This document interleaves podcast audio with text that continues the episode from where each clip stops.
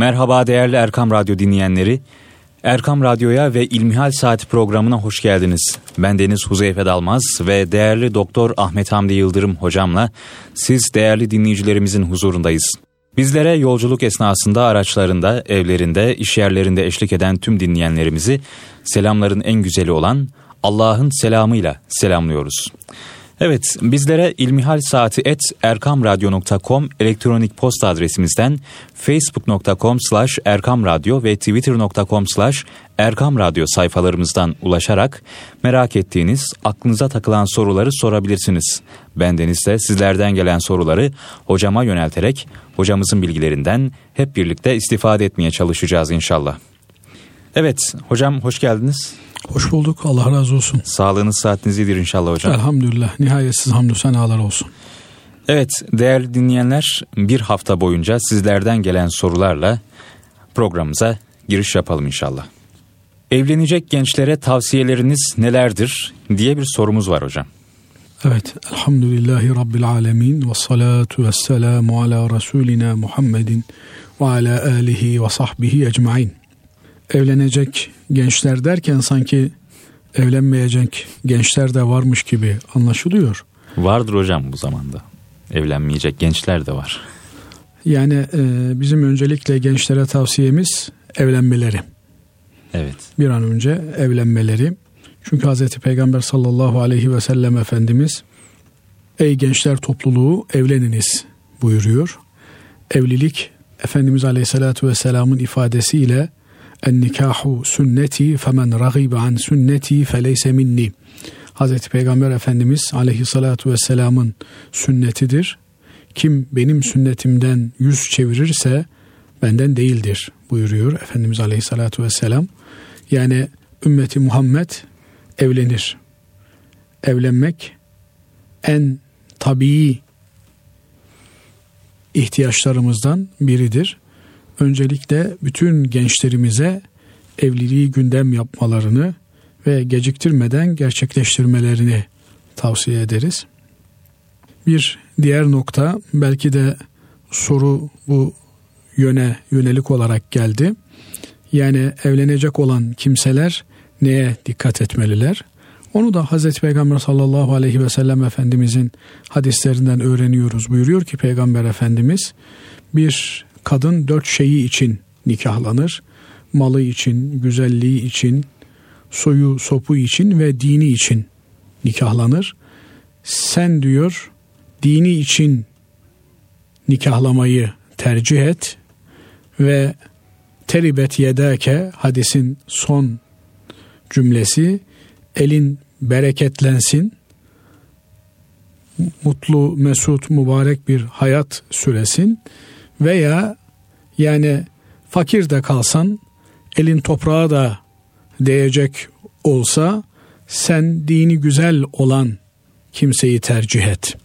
Bu evlenecek olan bir erkeğin bir kızda arayacağı hususları beyan eden hadisi şerifti ve bu hususlar içerisinde en önemli olanın din güzelliği, ahlak güzelliği olduğu meselesidir.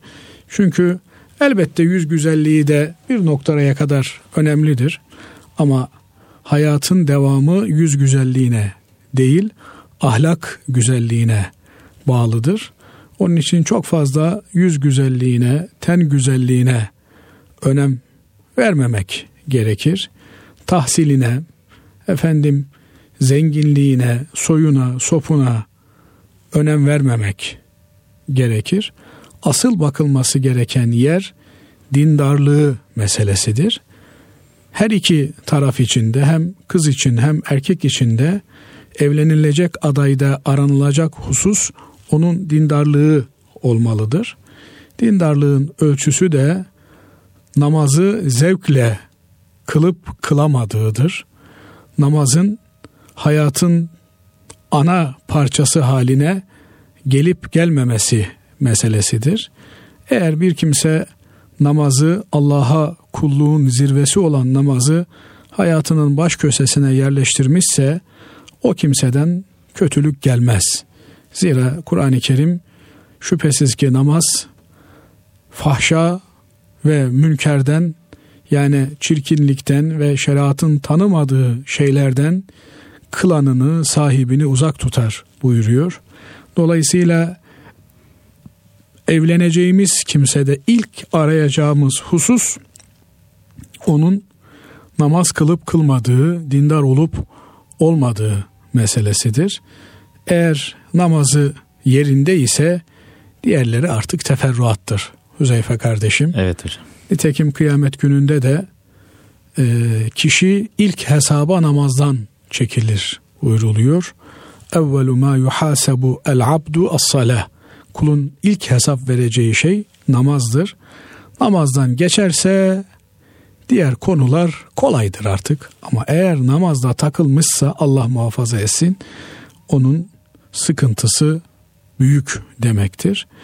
Bu noktada sizin gibi genç kardeşlerimiz evlenecekleri adaylar arasında ilk bakacakları husus dindarlığı, namazı ve niyazı meselesidir. Eğer bu konuda eğer evlenilecek aday başarıyla imtihandan geçmişse diğer meseleler çözülebilecek meselelerdir. Halledilebilecek meselelerdir.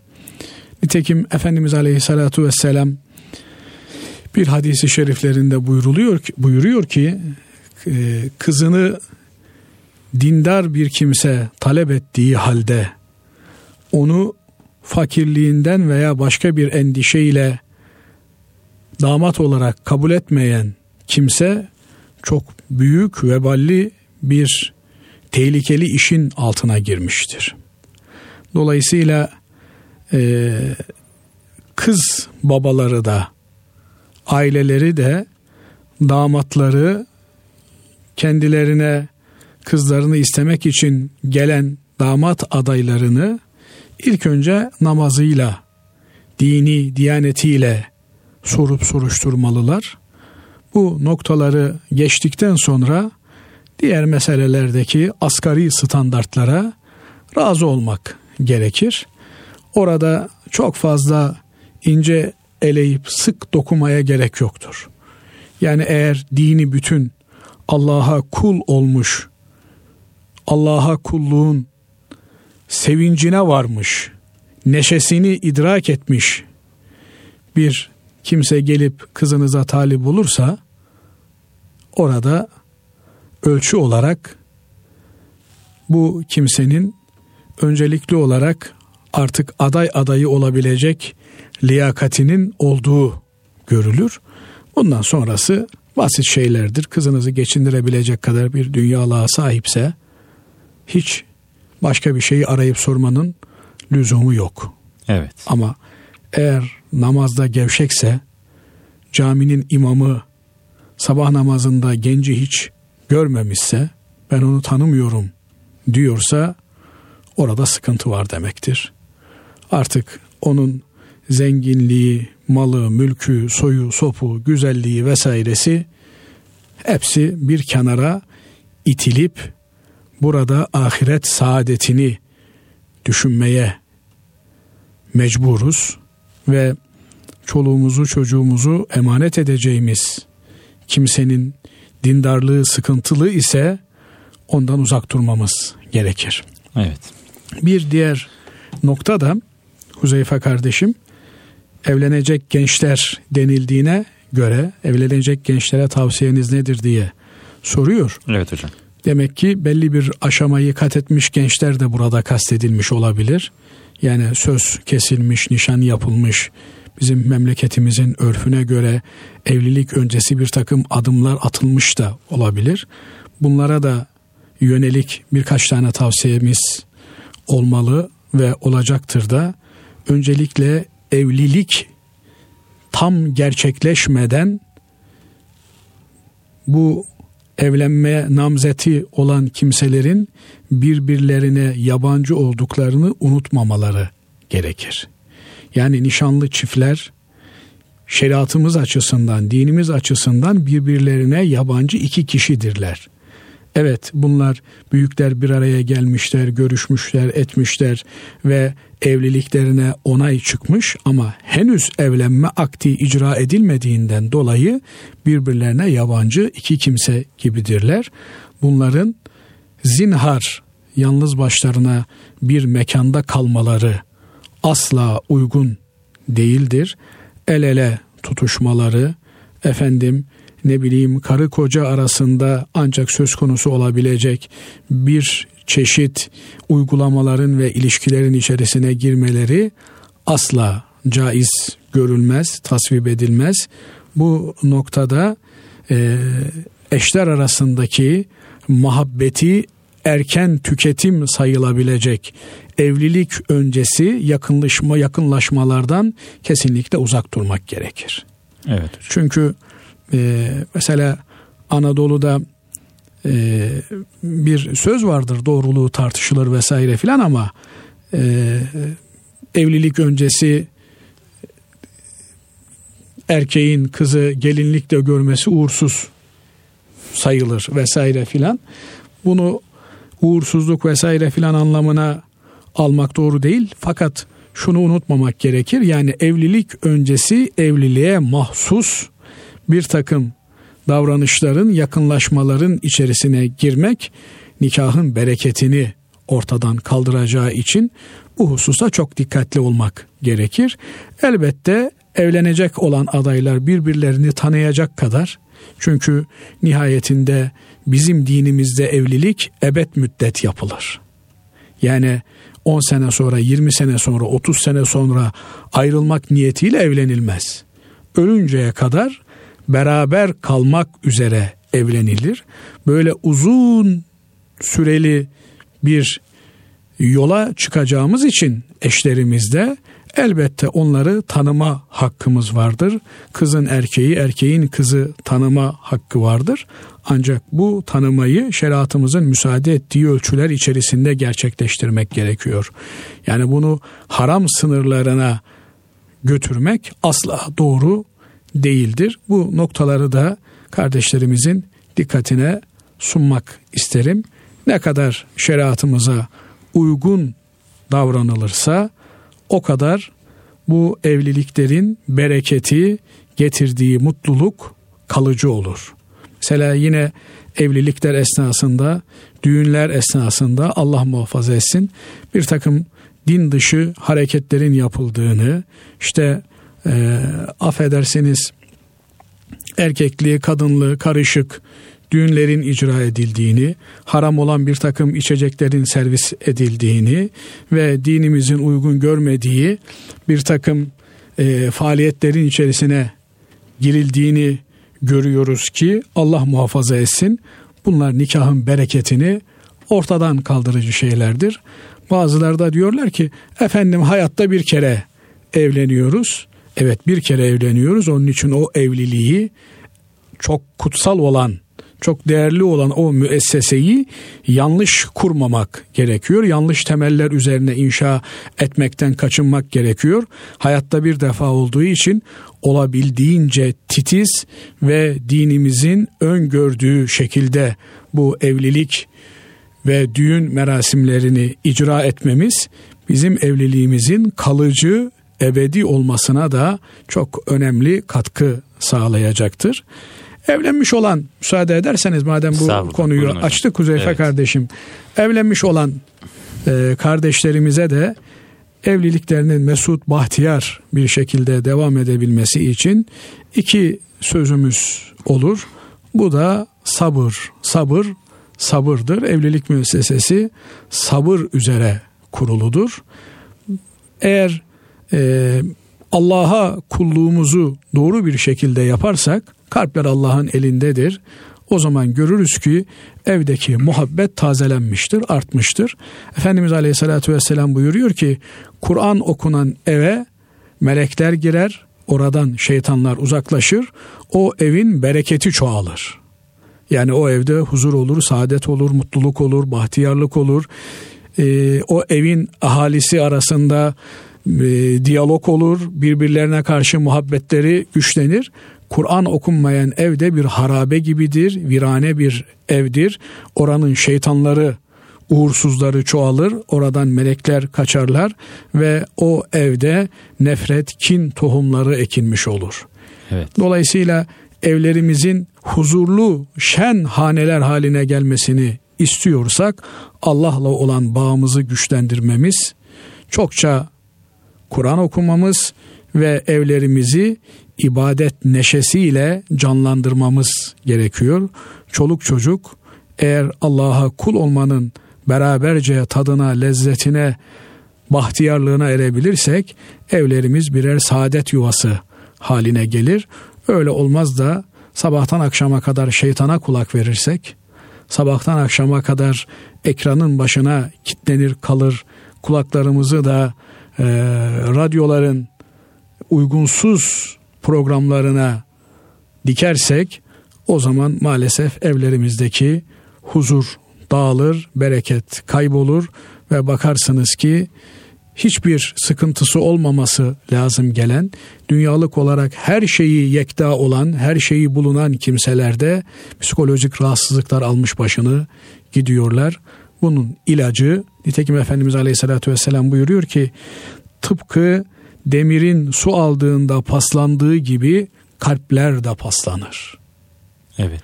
Ya Resulallah diyorlar kalplerin pasını nasıl giderebiliriz? Yani demir paslandığında antipas vuruyoruz. Peki kalpler paslandığında kalplerin pasını nasıl gidebiliriz diye soruyorlar. Hazreti Peygamber Efendimiz diyor ki çokça ölümü hatırlayınız ve çokça Kur'an okuyunuz diyor. Eğer böyle yapabilirsek evlerimiz hakikaten ahiret saadetini dünyada yaşadığımız ahirette hakikatini göreceğimiz cennet nimetlerinin numunesini dünyada tattığımız birer mutlu, mesut haneler haline gelir. Duamız ve niyazımız odur ki Cenab-ı Allah cemi cümlemizin evini bu hale getirsin. Amin. Hazreti Peygamber Efendimizin evine verdiği, lütfettiği saadetten ve mutluluktan bizleri de hissedar eylesin. Amin. Hocam dinimiz e, bir kızın evden kaçmasına nasıl bakar? E, erkeğin istemesi sonucu ve ailesinin e, vermemesi sonucunda oluşan kaçma konusuna dinimiz nasıl bakıyor hocam? Şimdi evlilik müessesesi çok kutsal bir müessese olduğu için Allah'ın izni Peygamber Efendimizin sünneti üzere bir kız annesinden, babasından, atasından istenir ve kaçarak değil büyüklerin rızasıyla bu evlilik müessesesi kurulur. Dolayısıyla e, Hz. Peygamber sallallahu aleyhi ve sellem Efendimiz nikahta veli şartını getirmiştir. La nikaha illa bi veliyin. Velisiz yani kızın babasının, atasının izni ve ruhsatı olmaksızın bir kızın evliliğine onay vermemektedir.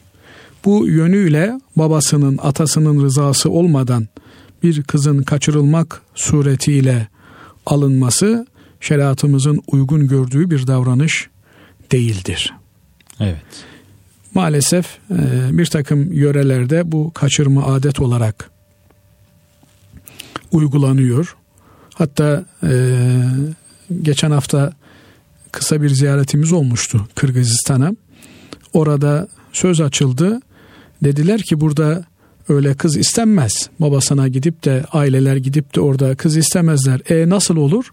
Kızı kaçırırlar. Rızası var veya yok kızı evlenecek olan kişi kaçırır ve e, kendi evine babasının anasının evine kızı götürür ve eğer çocuğun oğlanın annesi kapının eşiğine yatarsa o kız eşikteki e, kocası olacak oğlanın annesini aşıp gidemez. Gitmesi demek bir e, kan davasının sürmesi anlamına gelir. Hatta e, bizim burada Hüdayi Vakfımızda e, okumuş gençlerden bir tanesi Kazakistan'da annesine babasına gidip demiş ki ben demiş şeriatımızda öğrendim okudum. Dolayısıyla kız kaçırarak evlenmek şeriatımıza uygun değil. Ben e, sizle beraber işte filan kızı ailesinden istemeye gideceğiz filan deyince çocuğun babası annesi demiş ki yavrum sen bizi rezil mi edeceksin? Nasıl böyle bir şey olur? Kaçırırız ondan sonra büyükler bir araya gelirler rızalaşırız vesaire filan olmaz demiş şeriatımız buna müsaade etmiyor. Dolayısıyla gideceğiz usulüne uygun isteyeceğiz. Gitmişler istemişler ama ondan sonra kim çocuğu görse sen de adam mısın? Bir kız kaçıramadın, ananı babanı almışsın kız istemeye gitmişsin diye böyle aşağıcı, aşağılayıcı laflarla karşı karşıya kalmış. Bu bir örf olarak bir yerde yerleşmiş olabilir ama şeriatımızın izin verdiği bir şey değil. Biliyorsunuz örf ve adetler, gelenek ve görenekler ancak şeriatımızın müsaadesi izni çerçevesinde uygulanabilecek olan şeylerdir. Eğer Allah'ın izni müsaadesi yoksa orada ne örf var, ne gelenek, ne görenek var demektir. Binaenaleyh kız kaçırmak uygun bir şey, şeriatımızın mübah gördüğü, caiz gördüğü bir şey değildir. Usulüne uygun babası ikna edilir, annesi ikna edilir ve kız istenir. Ama böyle bir olay olmuş, kız rızasıyla e, bir oğlana varmış ise bu durumda baba ve ata yani kızın velisi haberdar edilir ve eğer e, itiraz etmesi söz konusuysa onun itirazına bir imkan tanınmış olur. İtiraz söz konusu değilse bir rıza hali oluşmuşsa evlilik geçerlidir. Ama eğer evliliğe mani bir durum söz konusu olmuşsa mesela eşler arasında denklik dediğimiz yani erkeğin kıza denk ve uygun olması meselesinde ailenin sıkıntılı gördüğü ve şeriatımızın da kabul ettiği bir husus mevcut ise o zaman mahkeme bu evlilik aktini onaylamaz. Dolayısıyla kız tekrar baba evine dönmek durumunda olur. Dolayısıyla bu tür sakıncalı durumlara yol açmamak için mutlak surette velilerinin yani babalarının, atalarının e, ruhsatının, izninin, onayının olması gerekir. Bu onay eğer e, arada dini bir mani olmaksızın verilmiyor ise yani çocuk kıza uygun, kız çocuğa uygun bir problem bir yok. problem yok ama eften püften sebeplerle işte e, çocuğun annesiyle kızın annesi arasında vaktiyle bir husumet olmuş da ben işte onun oğluna kız vermem vesaire filan gibi sebeplerden dolayı şeriatımızın uygun görmediği bir takım şeyler söz konusu edilir ve bu bahanelerle kız verilmezse o zaman şer'i mahkeme devreye girer ve bu e, çocukların nikahını kıyar. Evet. Bir hatırlatma yapalım. Bizlere ilmihalsaati.erkamradyo.com elektronik posta adresimizden facebook.com slash erkamradyo ve twitter.com slash erkamradyo sayfalarımızdan ulaşarak merak ettiğiniz aklınıza takılan soruları sorabilirsiniz. Hocam akraba evliliği konusunda Peygamber Efendimizin herhangi bir tavsiyesi var mı veya hadisi şerifleri var mı diye bir sorumuz var. Evet Efendimiz Aleyhisselatü Vesselam evliliği bize genel olarak tavsiye ediyor ve Kur'an-ı Kerim'de de ve benati ammike ve benati ammatike sana kendilerini gelip hibe eden kadınlar amcanın kızları efendim halanın kızları arasından nikahlamak istediklerini nikahlayabilirsin diye de ayeti kerimede ifade ediliyor. Dolayısıyla evlenilmesi yasak olan kimseler arasında zikredilmiyor. Amca kızı, hala kızı, teyze kızı ama e, bu son dönemlerde yapılan araştırmalarda yakın akraba evliliklerinin bir takım genetik hastalıkları aktarma noktasında sıkıntılar taşıdığı söyleniyor. Eğer bilinen bir şey varsa bu hususta bu evlilikleri yapmamak uygun görülüyor. Evet. Bu hususta sahih hadisler olmamakla beraber uzak evliliklerin teşvik edildiğine dair bir takım rivayetler bulunmaktadır.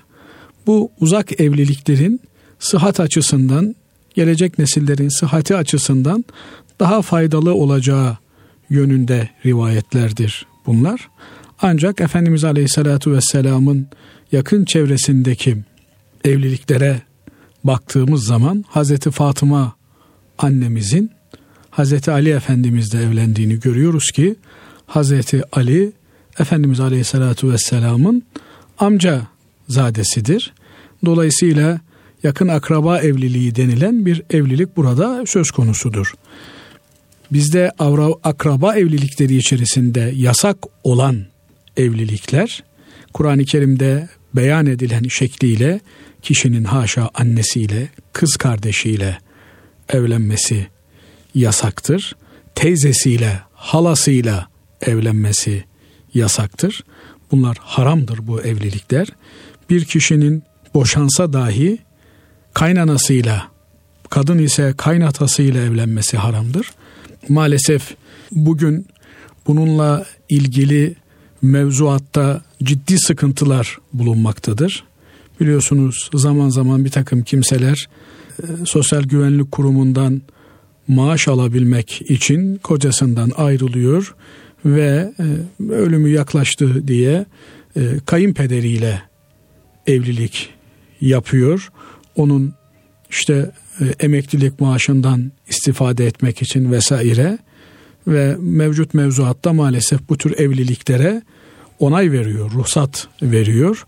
Bunlar dinimizin kesinlikle kağıt üzerinde dahi olsa biz öyle zannediyoruz ki herhalde e, Anadolu insanın bu kadar e, dininden, diyanetinden uzaklaşması mümkün değil. Herhalde kağıt üzerinde e, sosyal güvenlik kurumunu aldatmak için bu tür uygulamalara gidiyorlardır diye düşünmek istiyoruz.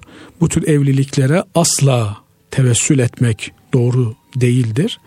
Yakın akraba evliliğinde haram olanlar bunlardır. Yani kişinin annesiyle, kayınvalidesiyle, kız kardeşiyle, efendim yeğenleriyle, kendi yeğenleriyle yani kız kardeşinin veya erkek kardeşinin kızları ile, halasıyla, teyzesiyle, süt annesiyle, süt kardeşiyle, süt halasıyla, süt teyzesiyle evlenmesi yasaktır.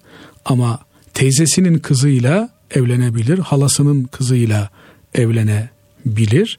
Hatta eğer bu tür e, kalıtımsal hastalıklar tehlikesi söz konusu değilse yakın akraba dediğimiz amca kızı, teyze kızı e, daha uygun olabilir. Niye?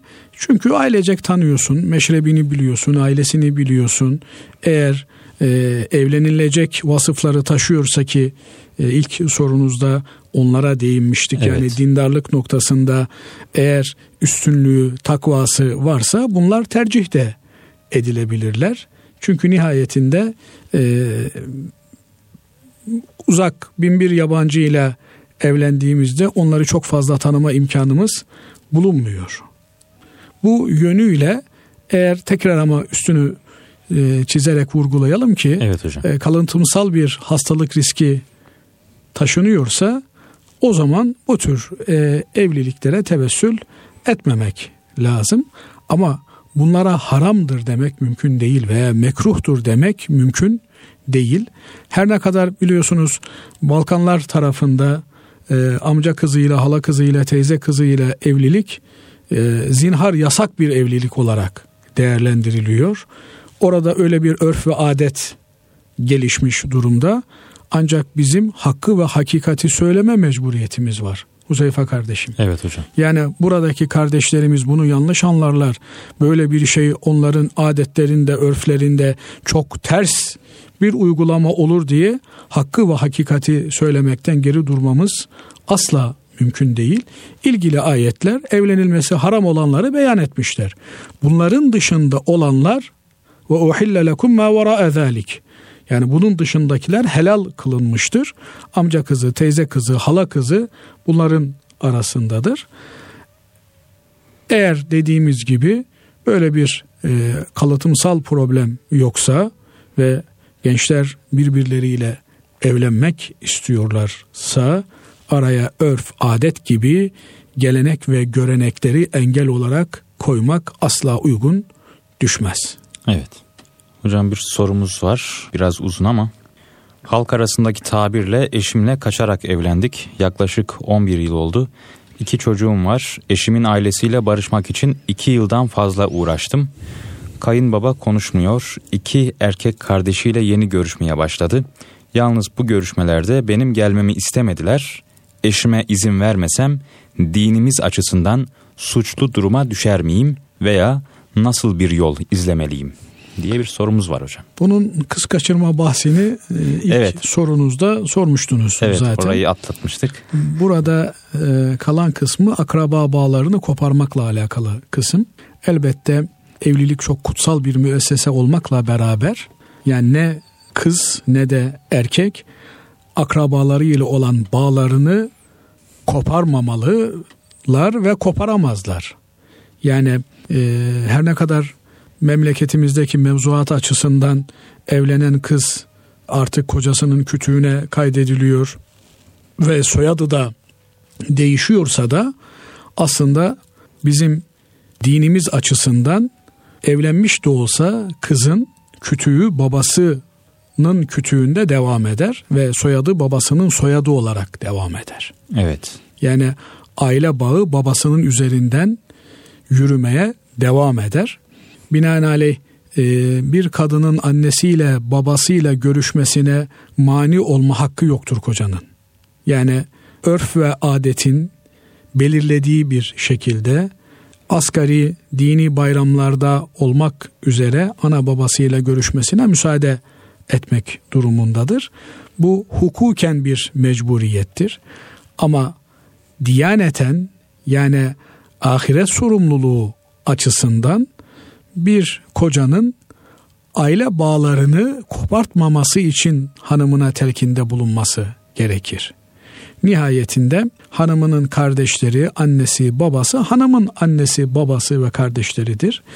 Ee, kendisinin onlarla görüşmesi elbette bir ahlaki vecibedir ama eğer karşı taraf böyle bir görüşmeyi henüz kabullenememiş ise en azından karısının onlarla görüşmelerine mani olmamalıdır. Aksine bunu teşvik etmelidir. Biliyorsunuz büyük günahlardan biridir akraba bağını kopartmak, akraba ilişkilerini sonlandırmak, akraba ile olan münasebetleri kesmek çok ağır veballi günahlardan bir tanesidir. Dolayısıyla e, bu ziyaretleşmelere, bu ilişkileri geliştirmeye ehemmiyet vermek gerekir. Hazreti Peygamber sallallahu aleyhi ve sellem Efendimiz müteaddit hadislerinde sıl men kata'ak sen sana ziyareti kesmiş olan akrabanla ilişkini sürdürmeye devam et buyuruyor. Dolayısıyla Kur'an-ı Kerim'de müşriklerin vasıfları anlatılırken onlar akraba ilişkilerini sonlandırırlar ifadesi kullanılıyor. Mutlak surette akraba ile olan ilişkilerimizi canlı ve taze tutmamız gerekiyor. Bugün şehir hayatında meşguliyetler sebebiyle insanlar e, bireyselciliğe daha fazla özendiriliyor. Bakıyorsunuz akşam televizyon karşısında, ekran karşısında ailece kilitlenmiş.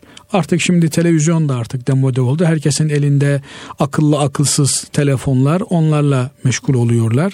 Yani bir ekran körelmesi söz konusu. Ekran karşısında insanlar körelmiş ve adeta ekranın kulu kölesi olmuş vaziyetteler.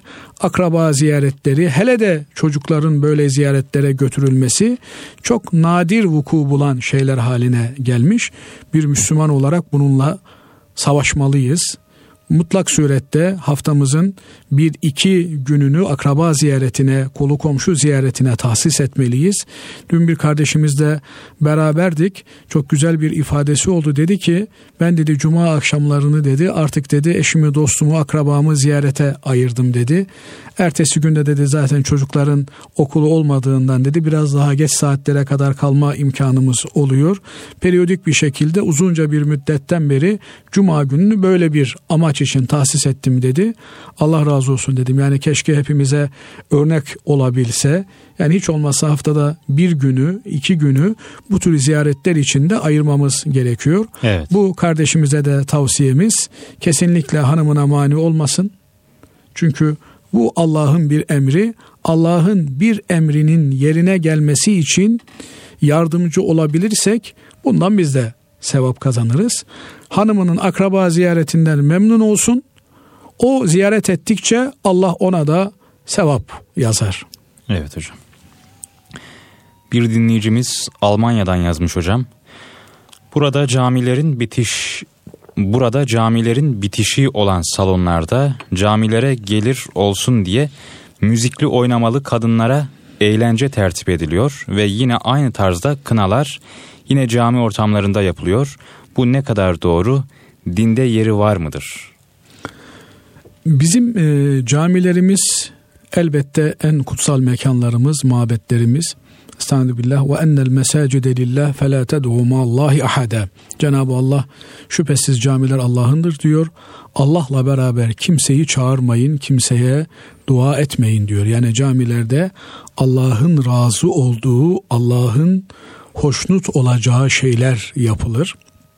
Camilerde sadece namaz kılınmaz. Camiler bizim için aynı zamanda sosyalleşmenin bir mekanıdır. Camide namaz kılınır, camide eğitim yapılır, camide düğün merasimleri icra edilir, camide konferanslar verilir, camide buluşmalar meydana gelir. Ancak bütün bunlar cami adabına uygun bir surette yapılmalıdır. Ve özellikle de yani bırakın camiyi cami dışında da hatırlarsanız yine sormuştunuz e, bu programın başında cevaplamaya çalıştık. Yani evet. evlenecek kardeşlerimize tavsiyelerimizden bir tanesi de düğünlerinin İslami kriterlere, ölçülere uygun icra edilmesiydi. Sazlı, sözlü, kadınlı, erkekli, e, karışık bir ortamda düğün icra etmek dinimizin uygun gördüğü bir davranış değil. Dinimiz kadınların kendi aralarında, erkeklerin kendi aralarında bu tür düğün merasimlerinde gerekli olan örf ve adetleri icra etmelerini istiyor. E, ve düğün dediğimizde de akla velime yemeği geliyor. Yani düğün sahiplerinin bir yemek yedirmeleri geliyor. Bu yemeğe de özel olarak velime deniyor. Hatta Efendimiz Aleyhisselatü Vesselam en şerli yemek fakirlerin kovulduğu, zenginlerin çağrıldığı düğün yemekleridir diyor. Dolayısıyla fakir zengin bütün kolu komşunun, akrabanın, civardakilerin çağrıldığı bir ziyafetin verilmesi düğünün sünnetidir. Bunun haricinde elbette düğünler mutluluğumuzun, neşemizin, coşkumuzun e, yükseldiği ortamlardır. Buralarda e, bir takım eğlence türleri icra edilebilir. Fakat eğer bu cami ortamında ise biraz daha hassas olunması gerekiyor. Mesela eğer camide başka namaz kılanlar varsa onları rahatsız etmemeye dikkat edilmesi gerekiyor. Camide ibadete mani olmayacak bir düzenlemenin yapılması gerekiyor. İkinci bir husus da e, meşru olmayan bir kazançla camiye gelir temin edilebilir mi? Yani kadınlı, erkekli, şarkılı, sazlı, sözlü bir ortamdan gelecek bir gelir caminin masrafları için kullanılabilir mi? Hayır, camiler Allah'a aittir. Allah ancak temiz olanı kabul eder. Yani infak yapacağımız zaman Allah için bir harcamada bulunacağımız zaman bunun en helalinden kazancımızdan yapılması gerekir. Şaibeli paraların cami gibi yerlerde kullanılmaları doğru değil. Burası ümmeti Muhammed'in Allah'a ibadet ettiği hem manen hem de maddeten temiz olması gereken yerler. Nasıl camilerimizin maddi temizliğine dikkat ediyorsak oraya girecek olan gelirlerin temizliğine dikkat etmek suretiyle oraların manevi temizliğinin de oluşması gerekiyor. Binaenaleyh haram olan mesela işte piyango çektirmek, yapmak suretiyle camiye gelir temin etmek, efendim ne bileyim horoz dövüştürmek, hayvan dövüştürmek suretiyle buradan camiye gelir sağlamak veya işte e, sazlı, sözlü, içkili e, bir takım ortamlar işletmek suretiyle buralardan camiye gelir temin etmeye çalışmak doğru bir şey olmaz. Bunlardan uzak durmak lazım. Eğer caminin ihtiyacı varsa caminin cemaatinden bu toplanabilir ve buraya vereceğimiz e, sadakalarda, yardımlarda Allah katında fazlasıyla bizlere geri dönecek sevaplar şeklinde olacaktır. Evet. Diğer bir sorumuz hocam. Cuma hutbesi esnasında konuşmak veya bir şeylerle uğraşmak cuma namazına zarar verir mi? Amin demek veya salavat getirmekte konuşmadan sayılır mı? Evet, e, özellikle Hanefi mezhebi açısından hutbe namazın bir parçası olarak değerlendirilir. Yani namazda yapamayacağımız şeyleri hutbede de yapamayız. Yani nasıl namazda konuşamıyor isek hutbe esnasında da konuşamayız. Nasıl namazda e, namazın dışından gelen bir e, şeye tepki veremiyor isek mesela dışarıda biri e, hapşırmış elhamdülillah demiş ona yarhamukallah diyemiyoruz namazdayken. Evet. Veya namazın dışında biri Hazreti Peygamber sallallahu aleyhi ve sellem Efendimizin mübarek isimlerini zikretmişler. Biz namazın içerisindeyken salatü selam okuyamıyoruz. Bunun gibi hutbe esnasında da dışarıyla bir e, interaktif sürece giremeyiz. Yani e, bu maalesef e, geçen bir dönem yapıldı. Şimdi yavaş yavaş kaldırıldı herhalde. Diyanetimizde yanlış olduğunun farkına vardı bunun. E, Türkçe dua yapılıyordu hutbede. Hutbenin evet. bitiminde. E, hutbenin bitiminde dua var. Ama bu dua Arapça yapıldığı için e, halkımız bu duaya e, amin diye mukabele etmiyordu. Ama şimdi Türkçe yapılınca dua e, halk da buna amin diyerek e, cevap vermiş oluyor. Bunlar hutbeyi e, hutbe esnasında uygun olmayan şeyler. Efendimiz Aleyhisselatü Vesselam'ın ismi zikredildiğinde içimizden salatu selam okuyabiliriz. Böyle bir dua cümlesi Hatip Efendi'den sadır olduğunda yine içimizden amin diyebiliriz. Ancak hutbe okuyan kardeşlerimizin bu hususta çok dikkatli olmaları gerekiyor. Cümlelerini cemaatin cevap vereceği şekilde bitirmeleri uygun değil. Mesela eğer bir dua cümlesiyle bitirirseniz o zaman cemaat de amin diyerek tepki veriyor. Bu durumda da Efendimiz Aleyhisselatü Vesselam Cuma hutbesinde konuşmayı yasaklamış olduğuna göre e, hutbe ve onunla beraber namaz da e, zedelenmiş oluyor. Bu hassasiyeti göstermemiz gerekiyor. Hatta Efendimiz Aleyhisselatü Vesselam buyuruyor ki Cuma hutbesi esnasında konuşan fakat laga boş bir iş yapmış olur veya bazı yorumlara göre de namazını boşa çıkartmış olur. Konuşan bir kimseye sus diyen kimse de aynı şeyi yapmış olur. Yani bugün maalesef e, program esnasında da dile getirdik. Bu akıllı akılsız telefonlar e, hutbede imam efendi, hatip efendi hutbe irade ederken bakıyorsunuz millet mesaj atmakla meşgul oluyor veya işte e, o uygulamayı bu uygulamayı açıp onun üzerinden iletişim halinde oluyor. Unutmamak lazım gelir ki hutbe namazın bir parçasıdır. Namazda gösterdiğimiz titizliği hutbede de göstermemiz gerekir. Ama hutbede biraz daha rahat oturabiliriz. Evet. E, namazın oturuş erkanı belli. Hutbede daha rahat oturmamız mümkün.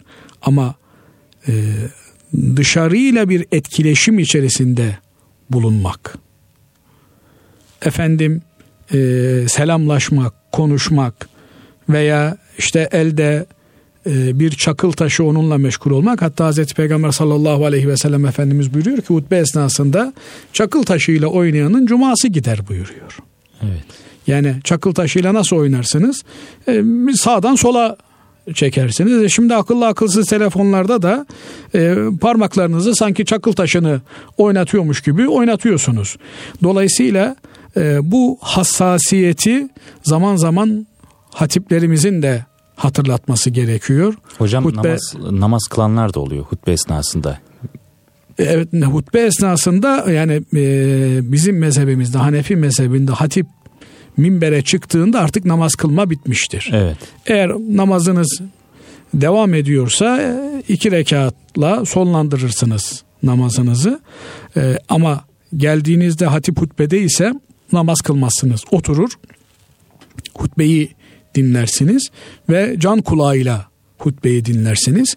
Çünkü hutbe Müslümanların haftalık mesajlarını aldıkları çok önemli bir e, ilan enstrümanıdır, aracıdır. Onu can kulağıyla dinlemek gerekir. Hatiplerimizin, imam efendilerimizin de ona göre cemaatlerinin ihtiyaçlarına yönelik olarak bu hutbeleri hazırlamaları gerekir. O da maalesef çok böyle e, merkezi olarak hazırlanmış. Belki e, bir iki cami cemaatinin ihtiyacına yönelik olarak şekillenmiş ama çoğunluk olarak da ilgili cami cemaatinin ihtiyacından uzak şeyler olarak da karşımıza çıkabiliyor. Bu yönüyle Diyanetimizden de ricamız imamlarımıza güvenelim ve onların cemaatlerinin ihtiyaçlarına yönelik.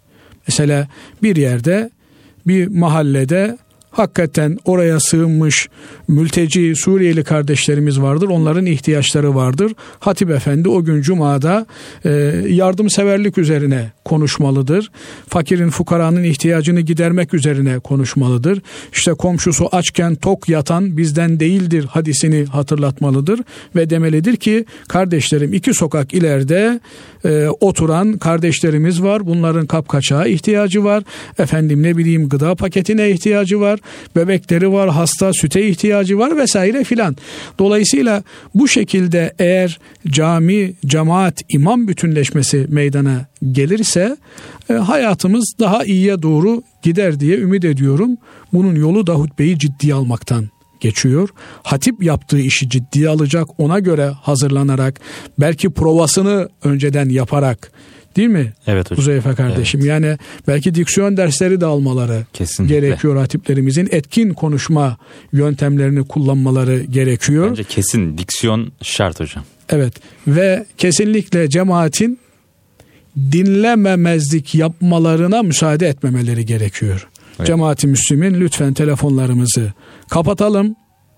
Hatibi dinleyelim diye de Belki biraz latife bu e, şekli ama bunu da hatırlatmak gerekiyor. Çünkü hutbe namazın bir parçası, namazımızın sıhhatinin bir parçası hutbeyi çok dikkatli bir şekilde dinlemek ve oradan bir takım mesajlar almak gerekiyor. Yani haftalık olarak o mesajlarla zinde kalabileceğimiz üslupta, tonda da bir hutbe olması gerekiyor.